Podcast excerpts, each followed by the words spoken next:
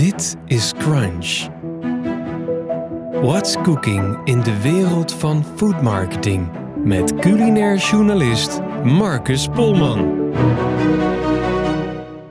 Hallo, mijn naam is Marcus Polman. Hier hoor je over de movers en shakers uit de wereld van food en marketing. Met vandaag Jaap Korteweg, oprichter van de Vegetarische Slager. Je hoort in deze uitzending hoe hij tien jaar geleden van de Vegetarische Slager een succesbedrijf wist te maken. Wat hij zag veranderen in de wereld van vegan en vega. En wat er kwam kijken bij de verkoop van zijn bedrijf aan Unilever eind 2018. Dit is Crunch. Jaap Korteweg is negende generatie uit de familie van veehouders en akkerbouwers. En hij pionierde als een van de eerste met vegetarische kip en vegetarische rundvlees. In een tijd dat vega en vegan nog lang niet zo mainstream waren als het nu is. En iedereen die verklaarde hem eigenlijk voor gek. Alleen al om die naam, vegetarische slager. Maar Jaap zette door. En met succes. Vorig jaar verkocht hij zijn baby aan Unilever. Hij blijft verbonden als adviseur en streeft onveranderd nog steeds naar een wereld waarin de bio-industrie overbodig is geworden. Jaap, welkom. Fijn dat je er bent. Ja, gelukt. Ja, de bio-industrie uh, overbodig maken. Het is nogal een missie. Hoe, hoe ver ben je ermee? Nou ja, toen wij begonnen, toen was het aandeel, uh, zeg maar, vleesalternatieven, hè, vleesvervangers, of hoe je het ook wel noemen. Dat was toen ongeveer anderhalf procent ten opzichte van de vleesmarkt. Anderhalf procent? Ja, en zeg maar, we zijn eind 2010 in de markt gekomen. Uh, ja. Wij zijn hard gegroeid met tussen de 50 en 100 procent per jaar. Maar goed, we begonnen ook heel klein met een klein winkeltje, ja. maar dat is nu inmiddels uh, behoorlijk gegroeid.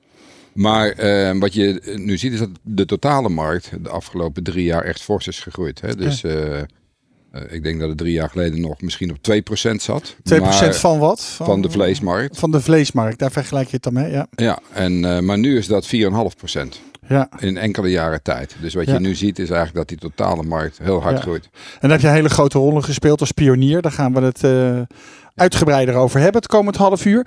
Eh, als ik aan jou denk, Jaap, en de vegetarische slager, dan heb ik die iconische foto heb ik op mijn netvlies. Je ziet jou staan met een hakbijl in je hand, een bos wortels, een mooi slagerschort voor, helemaal krakend wit, met van die oranje spetters erop in een eh, slagersatelier-achtig iets. Wie, dat vind ik een steengoede foto. Wie heeft dat ooit verzonnen? Hij was een journalist. Die, ehm, een fotograaf. Dus die kwam een, eh, voor, voor een artikeltje in een, eh, nou ja, eh, in een blad. En eh, hij had het helemaal in zijn hoofd. Dus hij kwam met een wit schort en Ja. oranje verf en een bos wortels. En hij vroeg of ik daar aan mee wilde werken aan zijn idee. Ja, En nou, als dat er eh, enigszins op lijkt, dan doe ik dat altijd graag. Dus, ehm, dus dat heb ik gedaan. En eh, Heeft die foto veel voor je betekend? ja, zeker. Het stelt En, eigenlijk het hele verhaal in een nutshell. Ja. Zo heb ik altijd naar gekeken. ja, hij is gemaakt door Bart Homburg. Ja, En, credits ehm, voor Bart. Ja, inderdaad. En hij heeft ook gezegd van, nou, je mag hem ook gewoon gebruiken eh, Ja. van me. En eh, dus dat hebben we ook gedaan. En nou ja, dat heeft hij heel goed gezien. Bijzonder. Ja, ja. Want, want jij hebt altijd heel bewust eh, de link gelegd tussen vlees en de vergelijking aangegaan met vlees. Ik zag eh, van de week nog op jouw website dat onlangs eh de Economist zelfs langs was geweest in jouw fabriek in Breda.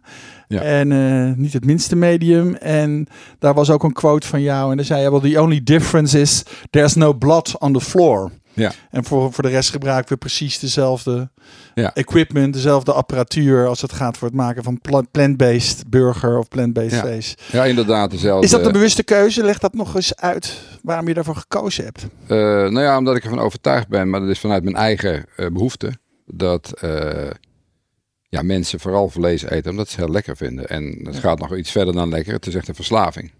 Marijn Frank van de Keurig Niet van Waarde heeft het ook aangetoond in, een, Ja, in haar documentaire Vleesverlangen.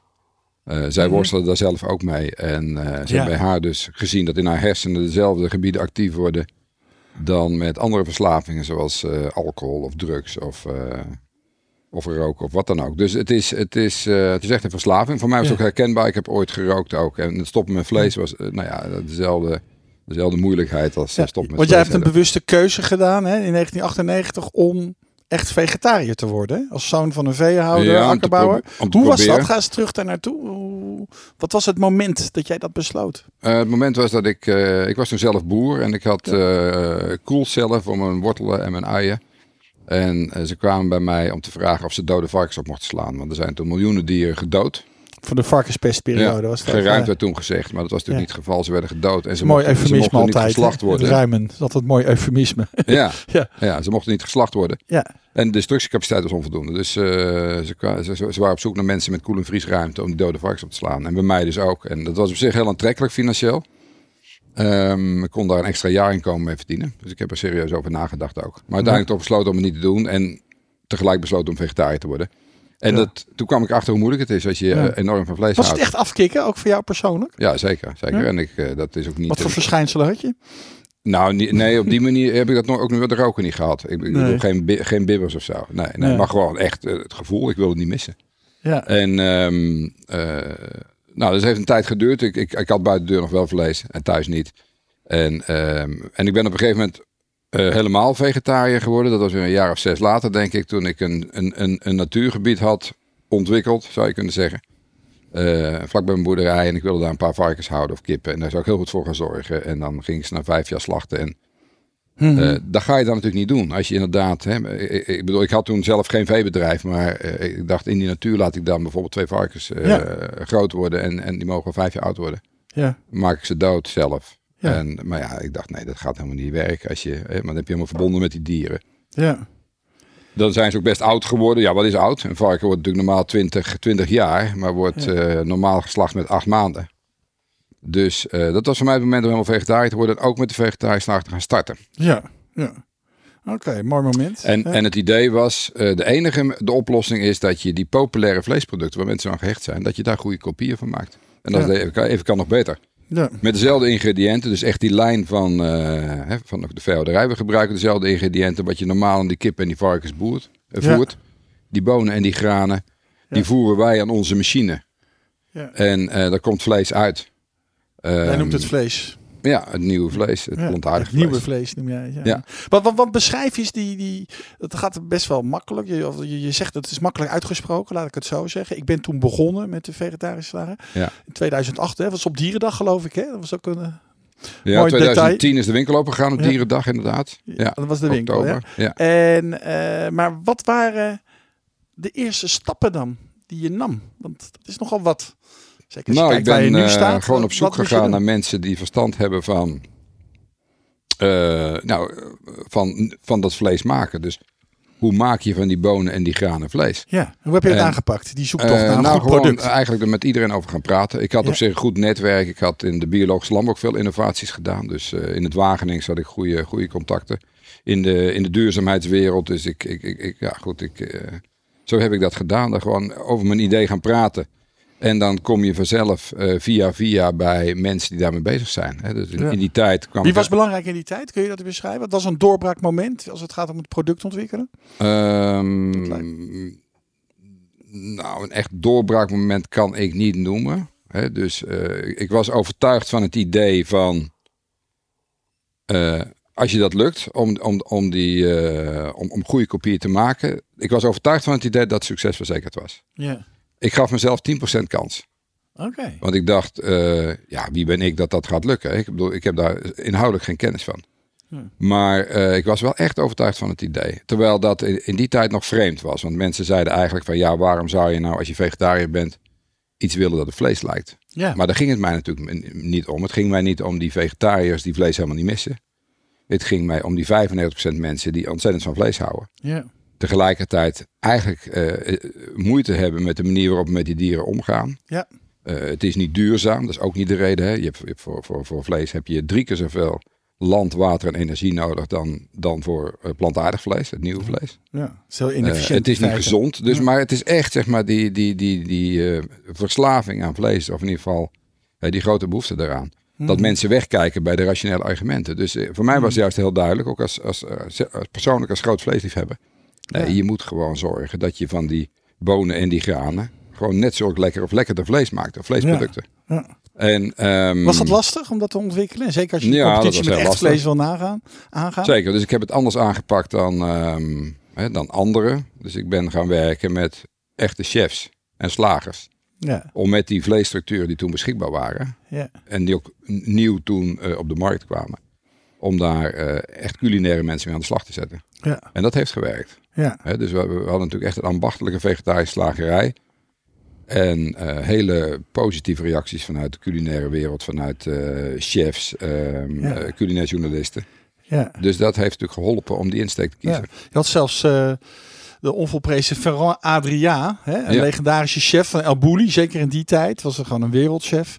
Die ook ja, producten alom prees. Hè? Dat is malser dan varkensvlees, malser dan rundvlees. Dat is natuurlijk Ja, die in ieder geval eh, eh, die dacht dat het een, eh, ja, een of ander Zuid-Frans kippenrasje was, wat eh, heel traag groeiend Had je hem opgebeld of zo, meneer Adria? Nee, hij ik was heb wat leuks. hij was doen? bij, we werkten toen samen met de chef. En hij was er te gast, hè, dus bij een, eh, bij een vakgenoot. En die heeft hem dat gewoon terloops laten proeven, zonder daar iets bij te vertellen. Van, kijk eens wat ik hier heb voor bijzonder eh, vlees. Ja, En toen meende hij dat herkennen. ja. Ja. dat is wel belangrijk natuurlijk, als, als zo'n Adria dat Ja, omarmt Zeker. en zegt dit deugt. Dat heeft dat. eh. Ja. Hoe, ben je vervolgens verder gaan groeien, Jaap? Je had het idee, je had het product ontwikkeld, je bent naar chefs gegaan. Eh, nou, ik neem aan dat je dan eerst even in het schap mag van Albert Heijn of andere supermarkten waar je het mag proberen. Maar dan ben je nog niet naar die schaalbaarheid toe gegaan. Hoe ging die fase 2? Eh, dat ging niet via eh, supermarkten. Nee. Die waren op dat moment niet geïnteresseerd. Het was, ook, het was natuurlijk nog kleinschalig. Het was ook nog prijzig. Ja. Maar het is eigenlijk gegaan via, Wat kreeg je te horen van, via van eh, Even tussendoor. eigenlijk toch via de culinaire wereld. Het, dus het waren de topchefs die in eerste instantie met onze producten werkten. Ehm, bijvoorbeeld onze eerste klant, dat was de slager van het jaar, de beste slager van Nederland, wat natuurlijk een geweldig compliment was. Ja, Ehm, dus via speciaalzaken, slagerij, biologische winkels, dus delicatessenwinkels, zo zijn we gestart. ja, Eh, ons product was eh, niet biologisch toen nog, Nee. of maar een beperkt deel. Dus eh, de biologische groothandel die zei ja, het is niet biologisch, anders zouden we het wel willen. Maar op een gegeven moment waren er heel veel klanten, dus eh, biologische winkels, die ons product wel verkochten. Omdat ze zeiden ja, dit is zo duurzaam ja, dat we dat toch doen, ook al heeft het niet het predicaat ecologisch of biologisch. ja, En eh, ze hadden op een gegeven moment 40 klanten van Udea, dat is de groothandel in, eh, in biologisch in Nederland.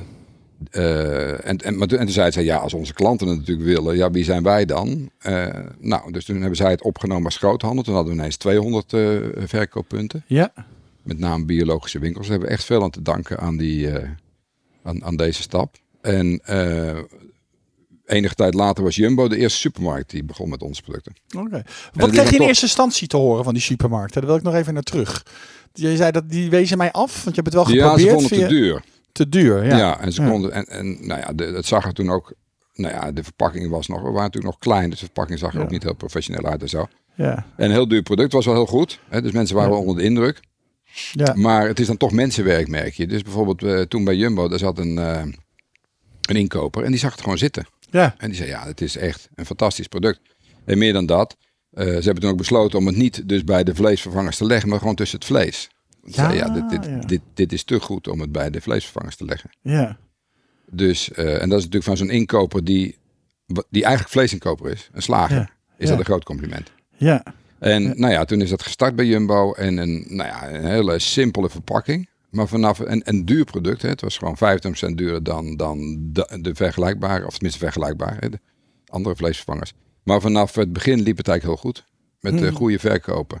Dus toen is het heel snel opgeschaald bij Jumbo. Ja. Kon je daar aan, aan voldoen, aan die, eh, aan die vraag? Dat is allemaal gelukt, ja.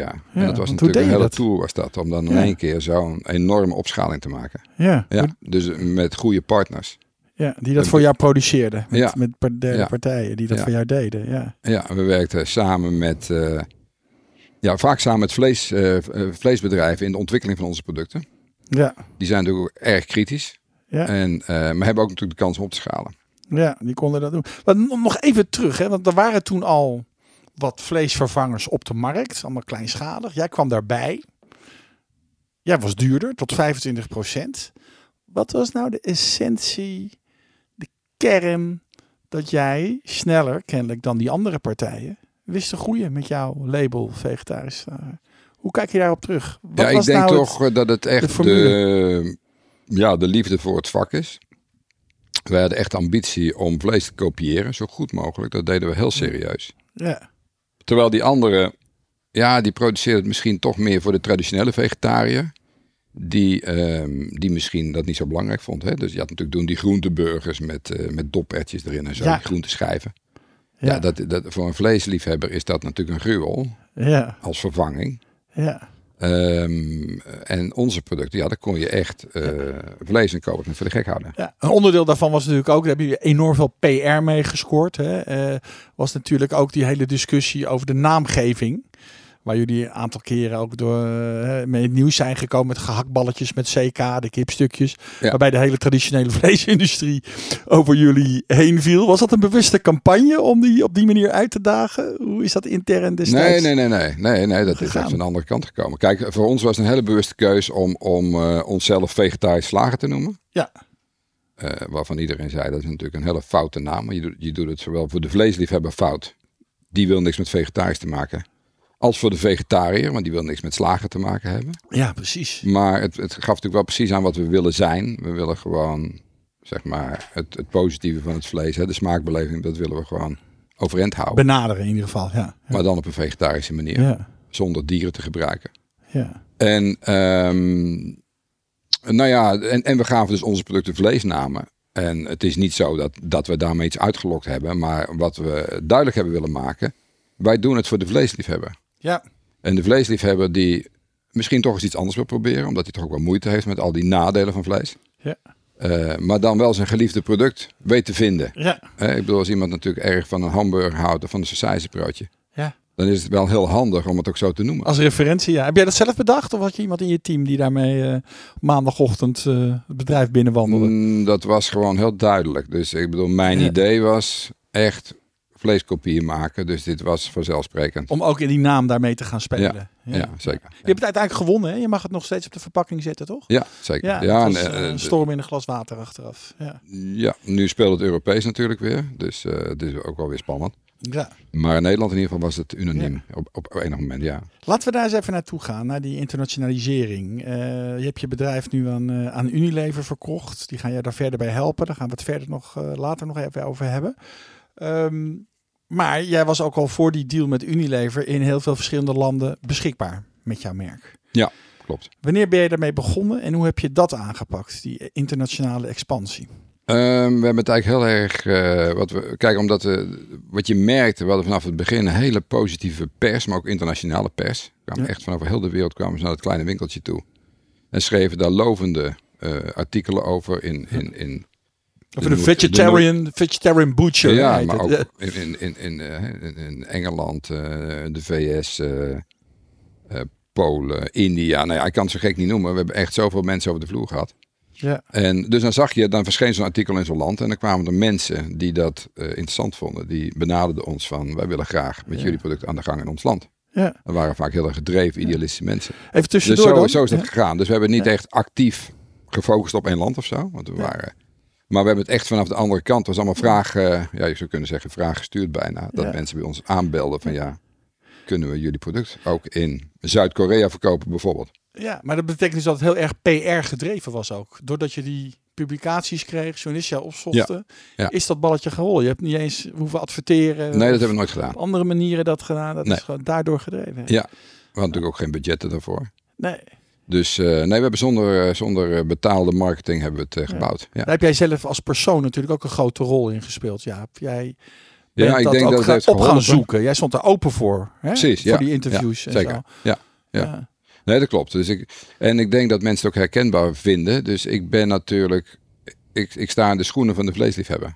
Ja. Ik be- ik begrijp die emotie, het, eh, het, eh, hoe moeilijk het is om ermee te stoppen en zo. ja. Dus eh, zo, zo heb ik het verhaal ook altijd gebracht. En dat ik Ja. daar een oplossing voor wil Ja. ontwikkelen. En, het verhaal was natuurlijk heel helder. Ja. Wij willen vlees vervangen met een goed alternatief. Ja, het is, Zodat bio-industrie niet het is tijd voor het nieuwe vlees. Ja. Het is tijd voor het nieuwe vlees. Dat is natuurlijk heel Ja. eenduidig. Terug naar die internationale expansie. Je was nog steeds klein, laten we wel wezen. Hoe kon je dan al die landen beleveren? Ja, toch, toch, toch door die goede samenwerkingen. En dat is best ook wel eens spannend geweest, maar dat is uiteindelijk gelukt. Hè? Dus door op tijd eh, op te schalen met eh, partners waar je mee samenwerkt. We hebben altijd wel geprobeerd om samen te werken met hele professionele partijen. Die, Ja. nou ja, die mogelijkheid hebben om, om, om eh, daar snel op in te spelen op, op een nieuwe klant. Ja. Dus ehm, En die maakten het voor jou in het buitenland? Of jij leverde het vanuit Nederland aan? nee, het, het werd vooral hier in Nederland geproduceerd. En Vanuit we exporteerden naar het buitenland. Kijk, dat ging dan, eh, dat, is, dat is het voordeel. Voor het buitenland ge- we vaak het eh, diepgevroren product.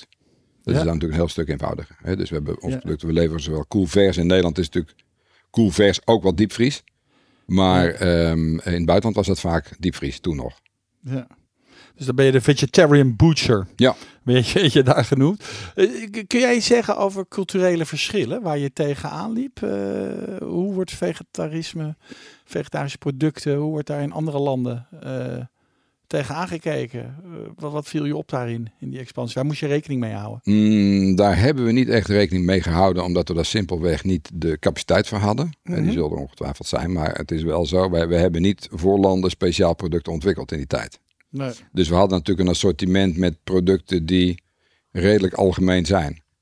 Ehm, maar bijvoorbeeld onze kip, eh, dat is echt een soort basiskip. Ja. Nou ja, daar kunnen ze natuurlijk in iedere cultuur kunnen ze daar een eigen draai aan geven. Ja. Eh, op, op, op, op, de eigen manier marineren of, of een of een Indiaanse keuken. Portugese Eh, keuken, Daar leent het zich heel goed voor. Ja, ja.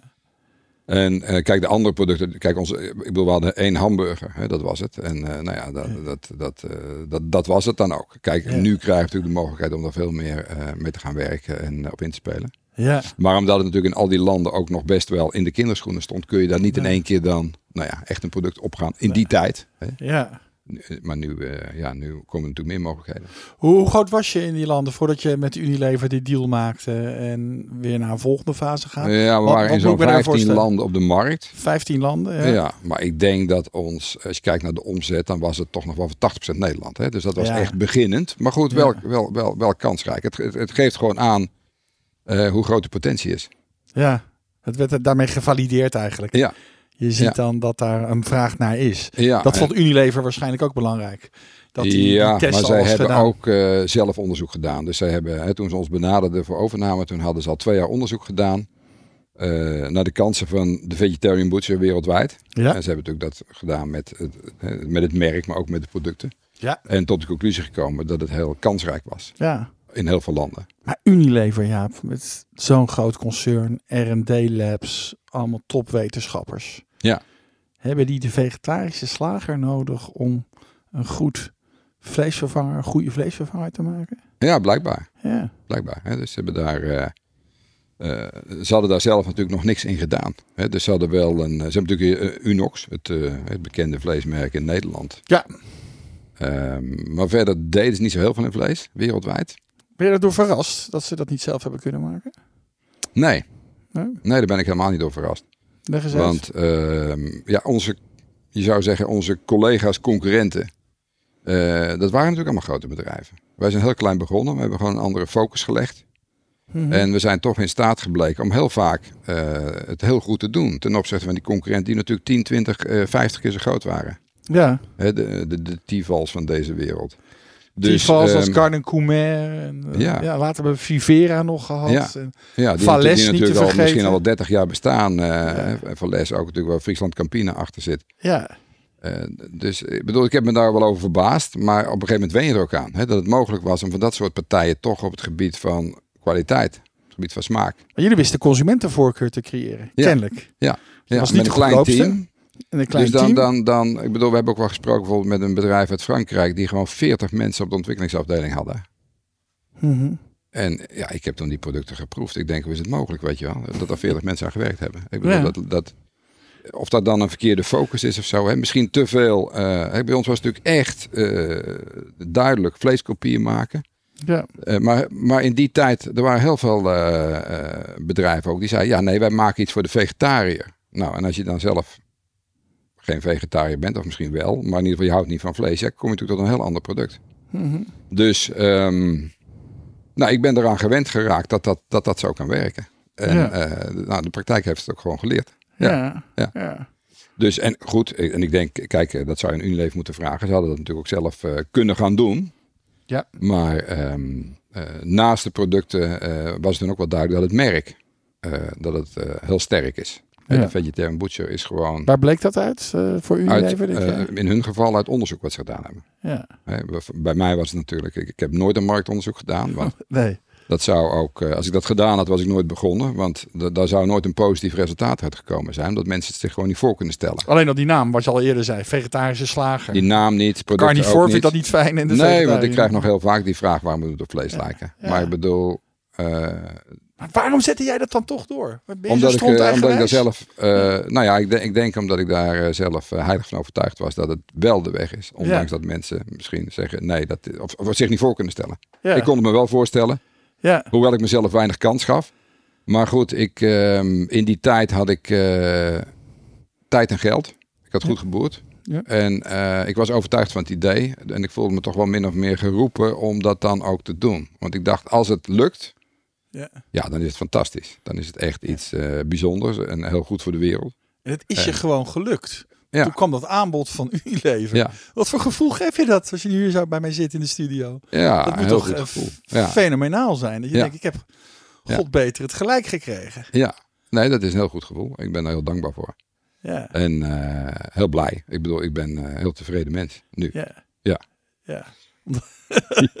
ik zit nu te kijken naar een hele vette grijns. Ja, Ja, nee, dat is gewoon ontzettend leuk dat je daar, Ja. nou ja, dat je daar, dat je erbij bent geweest. Ja. Ja. En, dat, eh, en wat, als je terugblikt, wat was dan jouw key, jouw sleutel tot het succes? Als je dat zou moeten samenvatten. De smaak. Hè? Dus eh, dat, Ja. ja. de smaak. Dus echt die. eh, de vleeseter kunnen verrassen, kunnen, voor de gek kunnen houden, kunnen foppen. Ja. Dat is, daar hebben we ook heel veel lol mee gehad. En, noemt eh, het en het echt- leuke ervan Jij is noemt ook... het ook hè, echt foppen. Jij noemt het ook echt foppen. Ja. Ja, ja, Ja, mijn, ja. mijn, mijn, eh, mijn compagnon vanaf het eerste uur is een echte communicatie-marketingman. Nico Kofferman hebben we het dan over, denk Ja. ik. Hè? Ja. En hè, dit is ook een, eh, hij heeft veel van dit soort campagnes ook bedacht. Hè, van bedrieg je partner minstens één keer per week met, hè, met, met, met de producten van de vegetarische slager. Dat soort dingen. En daar hebben we gewoon prachtige verhalen over gehoord. ja. Dus ehm, het was ook heel belangrijk, die marketingkant en die storytelling kant eigenlijk. Zeker. Die jij... Ja. eh, ja, en, en, en het, het fijne is natuurlijk, eh, ja, ik ben gewoon het verhaal in die zin. Hè? Dus het, hoeft Ja. alleen maar, het verhaal hoeft alleen maar verteld te worden. En Ja. dat is een verhaal wat veel mensen herkennen. ja. En wat, eh, wat in ieder geval toegang biedt tot, hè, tot, tot veel mensen. Omdat ik, nou ja, ik, ik kom uit die vleeswereld eigenlijk, uit die, uit de landbouwwereld. ja.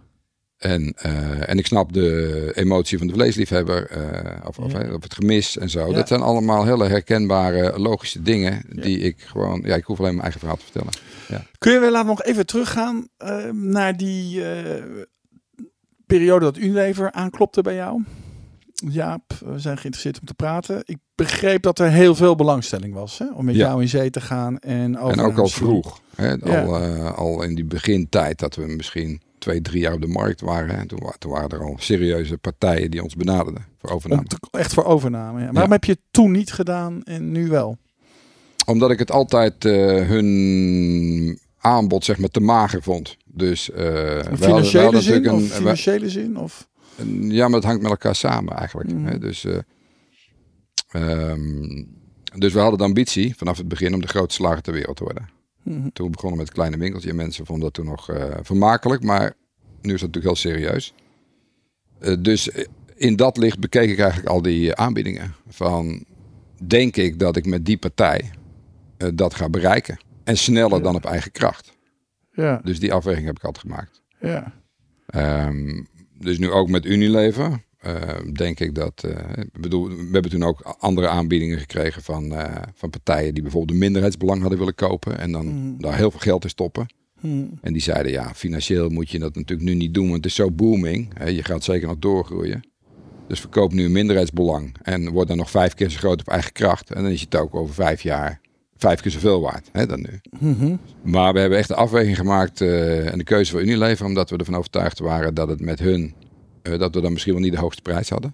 Mhm. Maar wel dat het dan de snelst zou groeien. Dan zou het niet vijf keer zo groot worden, maar misschien wel twintig keer zo groot. Of misschien wel vijftig keer zo groot Ja, in vijf jaar. En Ja. dat vonden we belangrijker. ja.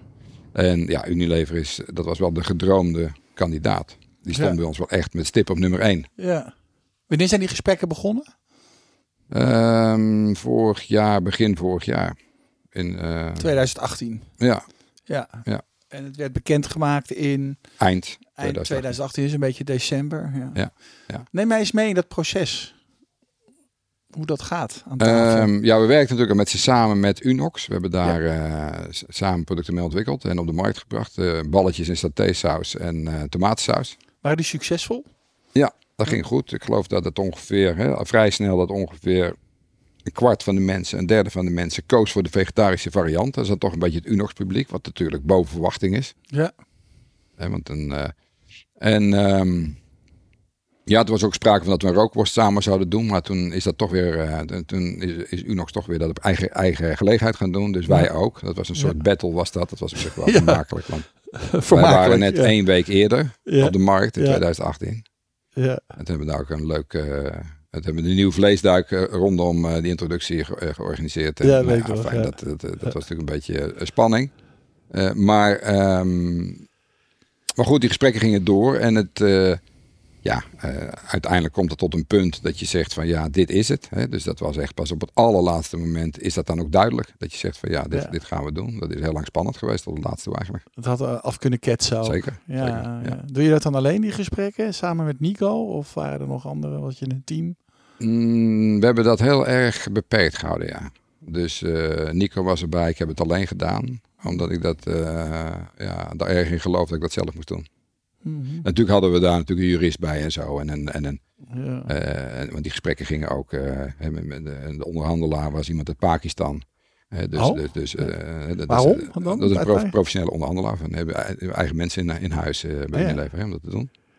Voor dit soort eh Ja. M&A Zij zijn continu bezig met overnames. Ja. Ja. ja. Dus eh, mijn Engels is niet zo geweldig. En dan met een Pakistaans accent was dat nog, eh, nog iets lastiger. ja. dus, ehm, hè, dus we hadden daar goede mensen bij ook wel. En, hè, dus we hadden daar een goede jurist en een, en een onderhandelaar. Maar eigenlijk heb ik die, ja, zeg maar op hoofdlijnen heb ik dat toch, hebben we dat toch gewoon zelf gedaan. Omdat ik, ja, omdat ik denk dat ik mijn, mijn eigen bedrijf eigenlijk het beste op waarde Ja. kan schatten. En kan Ja. verkopen.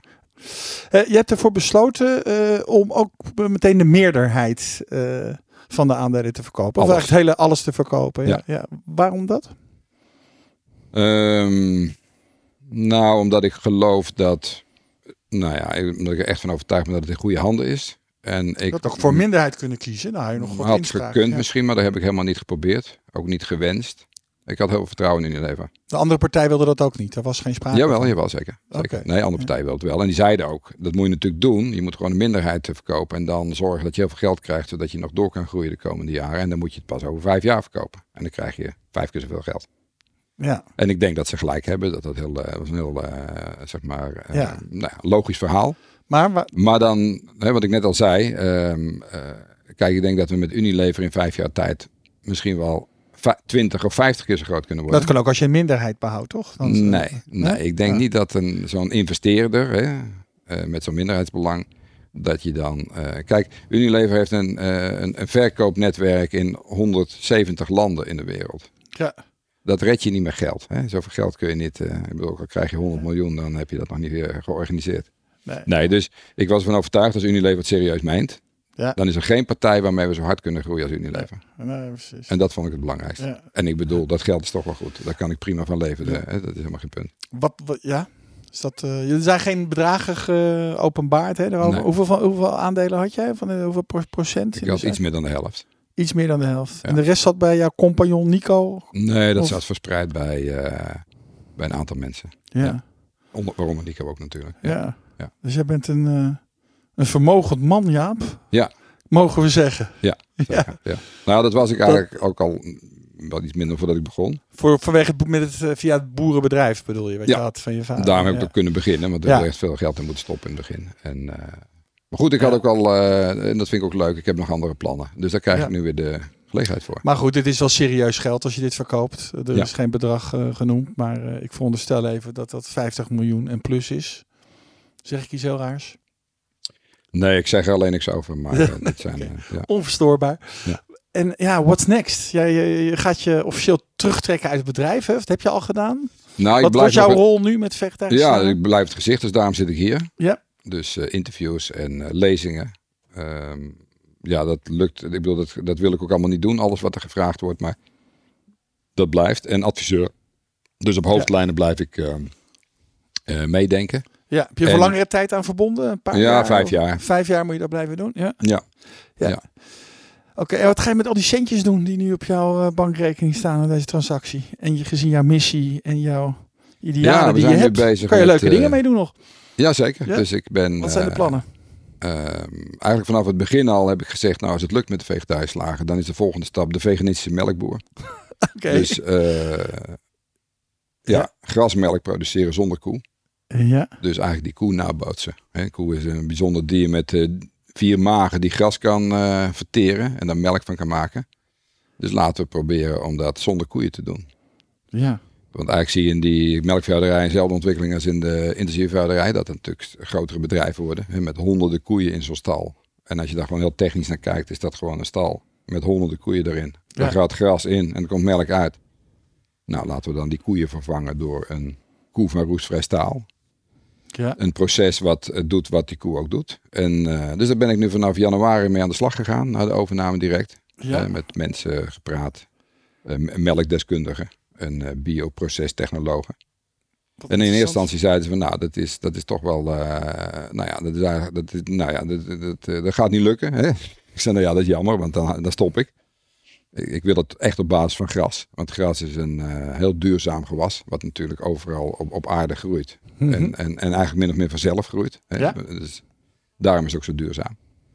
Dus, ehm, en toen ontstond er op een gegeven moment toch een soort nieuwe, ja, een nieuwe situatie. En, en, en nou ja, waren mensen echt gefocust op dat gras. En door die combinatie van eh, deskundigen, eh, nou ja, werd toch ineens hier en daar wat lichtpuntjes gezien. En dat Ja. is nu inmiddels een aantal maanden verder. En nu zeggen ze eigenlijk van ja, het kan wel. Het kan op basis van gras. En het kan ook efficiënter dan, hè, dus met, als je daar de technieken die zij voor ogen hebben. Die, dan, dan zet je dat gras efficiënter om dan met koeien. Je kunt Ja. natuurlijk ook, hè, wat je nu hebt met die, met die eh, broeikasgasuitstoot met die, eh, met die koeien. Dat, dat heb je dan niet. Dat heb je allemaal gecontroleerd. Ja. Dus eh, ja, het ziet, er, het, ziet er, het ziet er best positief uit. Ik gaf mezelf 1% kans. Hè, met vegetarisch slagen 10. Tien, Omdat dus ik al wist dat het, dat het complex was. Ja. Maar het is inmiddels wel gegroeid naar 5. Oké. Ik geef mezelf nu 5% kans. Even En- voor mijn beeldvorming. Sorry, wat wij Ja. zeggen. Ja. En ehm, nou, en er is heel veel interesse. Dat is ook Ja. mooi om te zien. De wereld is natuurlijk veranderd. Toen ik met de vegetarische slagen begon, toen zei iedereen nog, ja, dit is, weet je wel, die, die wereld van die vleesvervangers. Dat, dat staat al jaren, staat dat stil en dat wordt helemaal niks.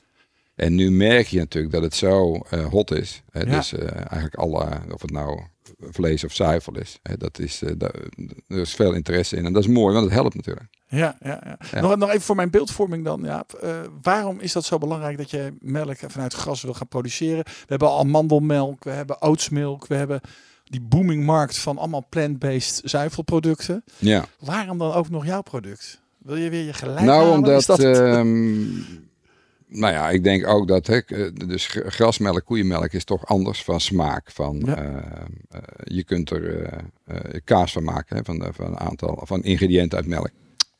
Ehm, dus het is een ander product. En ehm, misschien is kaas nog wel belangrijker dan melk. Hè, dan kan je vegan kaas gaan maken. Echte vegan kaas. echt een vegan kaas, maar die echte- smaakt als Ja. gewoon de Franse of Italiaanse of Nederlandse kaas die we gewend zijn. Ja, En eigenlijk ook gewoon hetzelfde is. Ja. En dat is natuurlijk heel erg leuk. ja. Ja. Geweldig. Nou. Ja. Ik kijk naar je ogen en ik zie een vastbeslotenheid dat het gewoon moet gaan lukken. Nou, nee. 5%? Ik, ik- nee, ik, ja, ik bedoel, ik zeg 5% en dat herhaal ik. Ik bedoel, want. Eh, nou ja, ik, ik denk als je dit soort dingen doet, dan moet je een beetje vriendelijk zijn voor jezelf. En eh, dan moet je eigenlijk genoegen nemen met het feit dat je het probeert. Ja. Zo ben ik eraan begonnen. En ik denk, denk dat dat misschien ook wel de reden is geweest dat ik het volop kunnen houden. Eh, ik, ik heb ook zo geredeneerd. Ik wil het gewoon proberen met die vegetarische slagen. Ik geef mezelf 10% kans.